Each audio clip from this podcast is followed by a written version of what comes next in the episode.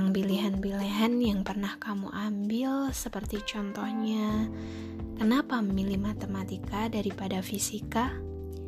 Kenapa memilih menjadi dokter daripada guru?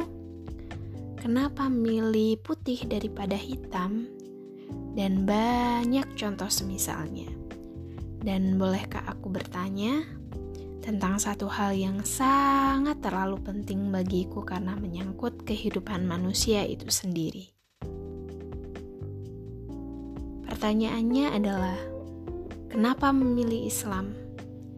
Kenapa menjadi Muslim? Kenapa bersyahadat?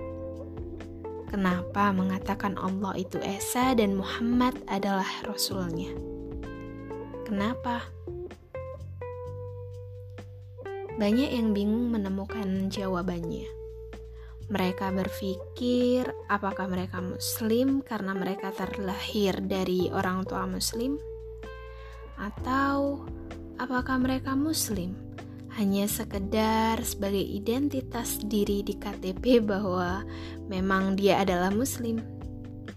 Bukankah Allah menjelaskan bahwa ia tidak suka kepada hamba-hambanya yang ikut-ikutan rihal akidah seperti kisah Nabi Ibrahim yang bertanya kepada kaumnya. Ma hadihi tamathilul lati antum akifun. Patung-patung apa ini yang kalian sembah? Dan kaumnya menjawab, Wajadna aba'ana laha abidin. Kami mendapati nenek-nenek moyang kami menyembahnya, jadi kami ikut-ikutan menyembahnya. Padahal Allah melaknat apa yang mereka lakukan. Apakah kita sama dengan mereka?